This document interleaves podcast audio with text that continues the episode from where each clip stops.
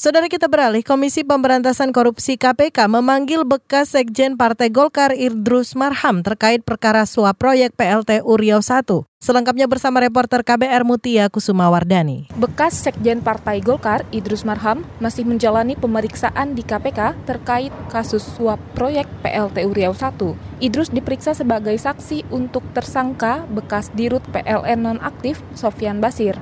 Saat tiba di kantor Komisi Anti Rasuah sekitar pukul 10.45 tadi, Idrus mengklaim tak menikmati uang suap dalam perkara tersebut. Bekas Menteri Sosial ini memprotes vonis 3 tahun yang diterimanya. Selain memanggil Idrus, KPK juga memeriksa tiga pejabat PLN. Komisi Anti Rasuah sebenarnya juga menjadwalkan pemeriksaan terhadap Menteri ESDM Ignatius Jonan. Namun Jonan berhalangan hadir karena tengah berada di luar negeri. Saudara dalam perkara ini, Sofian Basir merupakan tersangka keempat yang ditetapkan KPK sesudah pengusaha Johannes Koco, ex anggota DPR Eni Saragih, dan Idrus Marham. Sofian diduga ikut menerima fee proyek PLTU Riau 1 dari Gedung Merah Putih KPK, Mutia Kusuma, untuk KBR.